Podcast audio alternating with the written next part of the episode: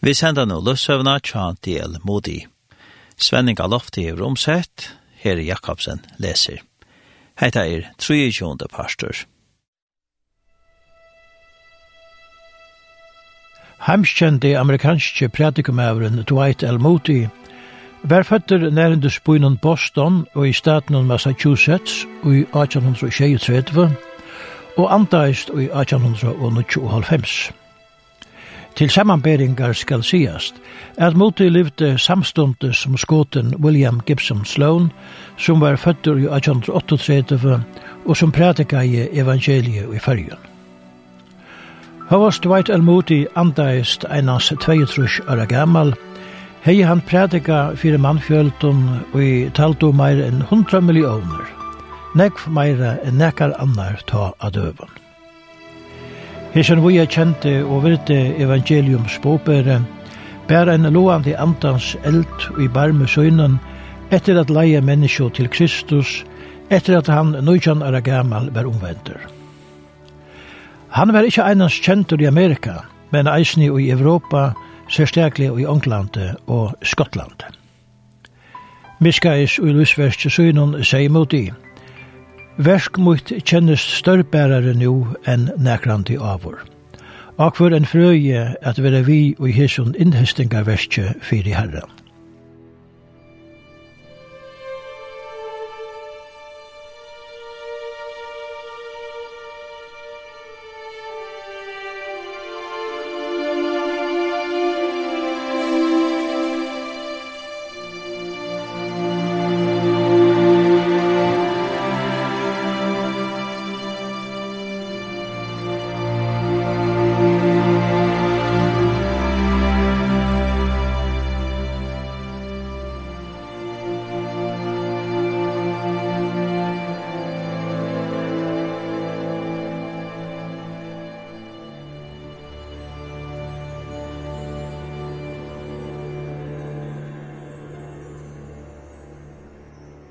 Og i pastonen fremad undan var greit fra at del mot de nyttig heimsframsyningene i Chicago i 1893 som etter giv i høve at bæra menneskjen gos år. Han skipa i fyrir møten i stauren høtlun og kjøltun tatt vi heimsframsyningar høtluna, så at 100.000 folk hørte evangeliet av imiskon tungemal. Ein prestor skriva i, og i søvot her kristna hever ångkant vi hent nekka slukt. Mot i vann, vi evangeliska bådskapen, mongo mennesker for Kristus, vi tiltukken synon, og i samband vi heimstevnena og i Chicago. 37. pastor, løntarmale at han fyrir verkje tjamoti. Onkur spyr kanska kvæt uvar løntarmale at han fyrir tænasten tjamoti. Fyrst og fremst var det alit hans av biblina. Hon var ljós, luiv og dagliga brei hans Han leit av biblina som årgods til okkon mennesker. Her var ungen ib. Ein slik støva og sannføring vi vujjande året gods ber uisar mikla kraft ui åren prætogomansens. Hetta prekvait han verileitje, at vittnesbordet hans om Jesus som sån Guds drå menneske i tusendatale et lort etter båskap i hans herre. Men tar prestar som i sin egna sjølgjørda visdom funnust at året Guds og vreka av te, var sjølver årsøkjen til at avhøyrar tarra våre lykaseller vi vujkjante tog i Antalya.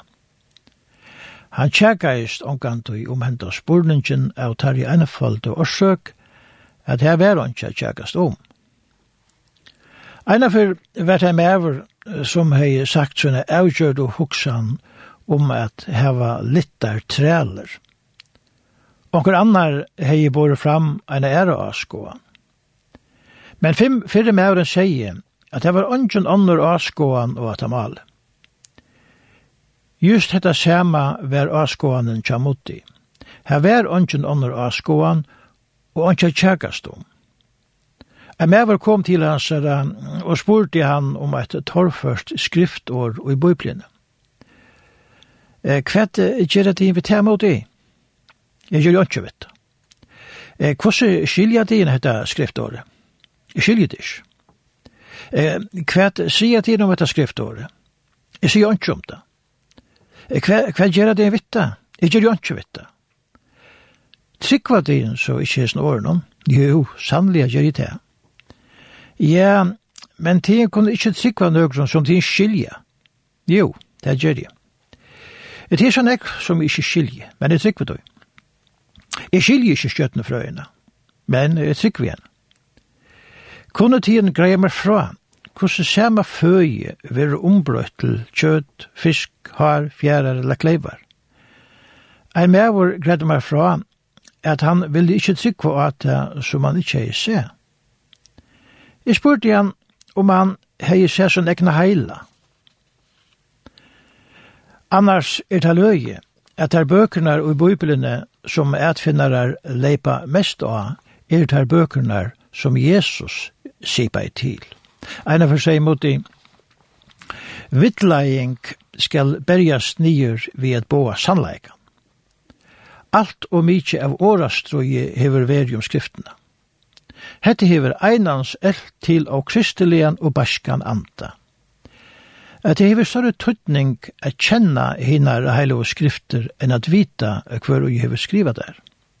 Takk bøybelen i hånd og lesene. Let godfrøyngar og ærar finnast et henne. Liv to av åren. Mang av nokta biblina og tveidana per bor. men hon reker korsen i landet. Båskaberen om Guds karlæga hever og især samme fruskleika som ta i han var bo av vår fire fyrst og fyr.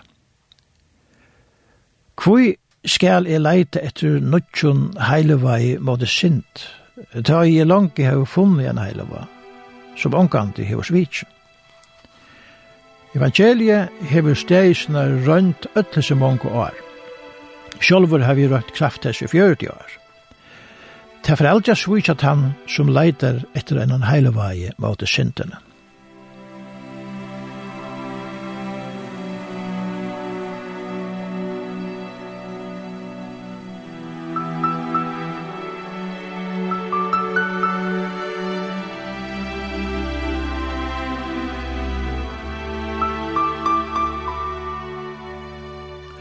Moti var vinaliga sinnaver i moti ötlantheimun, som rönte at litta opp manna attena.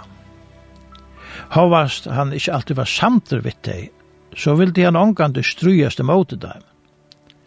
Einar fyrir ta i møte var i Nordfyllt, eh, sier han, Vi drøyna alltid at virka saman i tøy som vi er felaks om i trynne. Mange kristen røyna alla tøyina at koma fram við tøy som tei ikkje er samt om vi ånder. Men vita tid at hverjar 24 tøymar dodja 300.000 menneskjo av rusevnes misnuslo i landi okkara. Senaste fyra åren er i 38.512 folk myrt i landi okkara. Det er fyrir negini at vi standa saman i strøynon mot i hesson. Mot i verden kjem i gerande stenen som a talara paddelen. Han hei eit endamal vi ötlun som han gjørt. Kunkjer evangeliet så at saler skulle være frelst der. Einar av vinen hans er seg mot det. Ein så öll ånder menneskje hever han avgiva sinne brek, men jeg hever ångan til ville være vi hans brek. Mot i ver ei mjuker med over. Han undreist av at folk tømte at lust etter hon. Ta møte var i Nordfield, får han ikkje oppa at tælare paddelen, fyrir en flere høyde heitt av han om at tæla. Han helt at det var ærer som døde betre at tæla enn han. Etter at en blei meg over hei vitja, sier mot i, folk halda med vera meira enn i er. Jeg er i einast en vanliger og ålærter prætikamæver. Jeg veit ikkje hva jeg skal gjøre om bløyene for at halta av at prenta taler munnar, tøy nu har vi tala flest hotellene som jeg. Kvann sånne det kunne folk lust etter talen som er betre enn munnar. Ta i kjent folk våra møte, får han ikkje glabbeintor at halsa på at de fyrir at de skulle halta at han smikra i fyrtaimen. Eina fyr var en kjente person å komna møte. Onkur teska i hon at i øyra ikkje sørst spenter av malnum. Både sverre, i vane at hessen personen fyr at vera størlige signaur. Mange av tiltukun synon fram til modig ansamall. Ongen annar helt at summe av tiltukun hansara våre at fremja. Men angen forring var honom å møte Mitchell. Heldur gjør du forringarnar han enn utnar. Heldur ikkje hen kjente han til som ånder nevnte jeg strøyast vi god i bøn, tog liv hans er var atla tøyna liva i samfellet vi god. Bønarliv hans er var ikkje avmarska til sérstegar tøyer, tøy han be alt tøy. Tøy hendet han meir enn så, ta han i at ferast i økken og omkring Northfield, at han stekka i røssunen for å prysa gode. Hetta var helt naturligt til honom, tog han levde dagliga saman vi gode.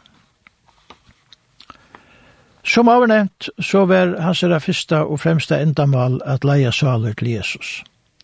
Hetta var honom så tydninga mykje, at etter et møte var han ikkje hoover at hos tunat vi folk som ville hitta han eller at folk kommer fram til hans og sier honom at de høyde hitt hans fyrir så så mange år så igjen. Etla ta i en Espen godfrøyslesande åregvei han og jeg tåsa vi ena leitande sval vi via spyrje han om løntarmale vi vujande kraftansere. Ta bær meiri enn så a, at han vusti enn og fraser.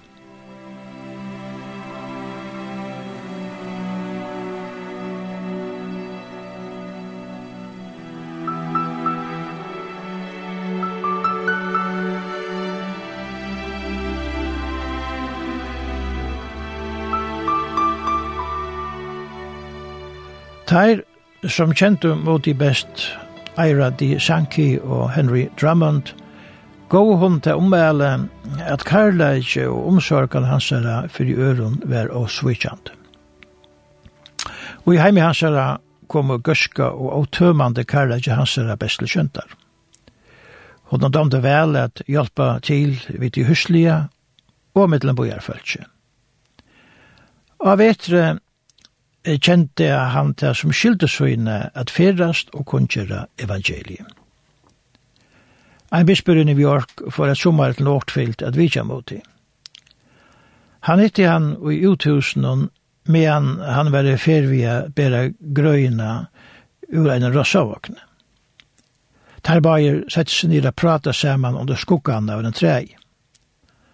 Ta seg imot i nokre år som biskupen ångane glemte.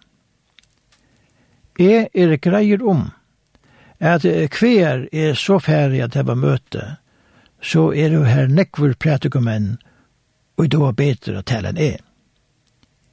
Korstene må i vikinga, at Herren bruker meg. Jeg kunne ikke evangeliet være fremsta hjertamalet kjem ut i. Hette var det som gjør det at han var hemskjenter. Hemskjenter. Hovast prædikoferernar fyllti han vi gleie, så var gleden alltid stor hverja fer en prædikofer var kommet at enda, og han kunde færa heimaltur til sunne kær i Nordfield. Da han var heima, domte noen vel a stakast vi gjerarbruk, høstnarhalt og orstagæren, som han frøttest om at tampa. Ein av gestorna hans er hevet rett fra, hvordan jeg han kunde utinna en vanligan fyrrapast. Han får tullja av foten at lese opp biblene, sen får han en gongutur at hitja at gjerra stikkene kjasser.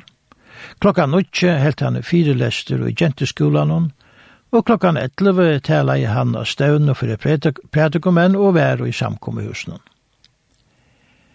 Men han var avvist til firelesteren kom en blæmaur som vil de heva nekv i mista vita.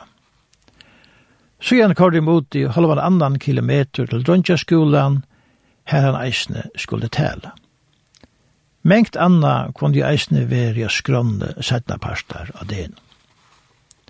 Omgang tog glemte han at vitja mammasøyna og teka stunder at sitte og prata vi henne. Han sier at mamman var til menneske av folk som han hei mest at takka fyrir. Hon han døg i 91 år gammel. Vi gjerarferna tala i han om gau og einleikar hennara, og om kussi hon hovast til fatakra døme, hei knutt bøtensøyne tatt et sær og heimenon. Så at hei atla lust og søyna høyde alsk til heime, som hei atla tøyna tro av etter at koma til. Megin parten av en åre etter deia mansens græt hun kvarja nått av sorg, men bøttene sova henne omkan ikke grøta. Elsta døttren hei omkan tog ville være vitte. Sorgen og avbyrden fyrir bøttene drov henne til herran. Hon var så gov vi ødsyna nutje bøtten, og grenja i omkan tog om neka av taimen. Troar jottan henne er vær, er løyte av godt.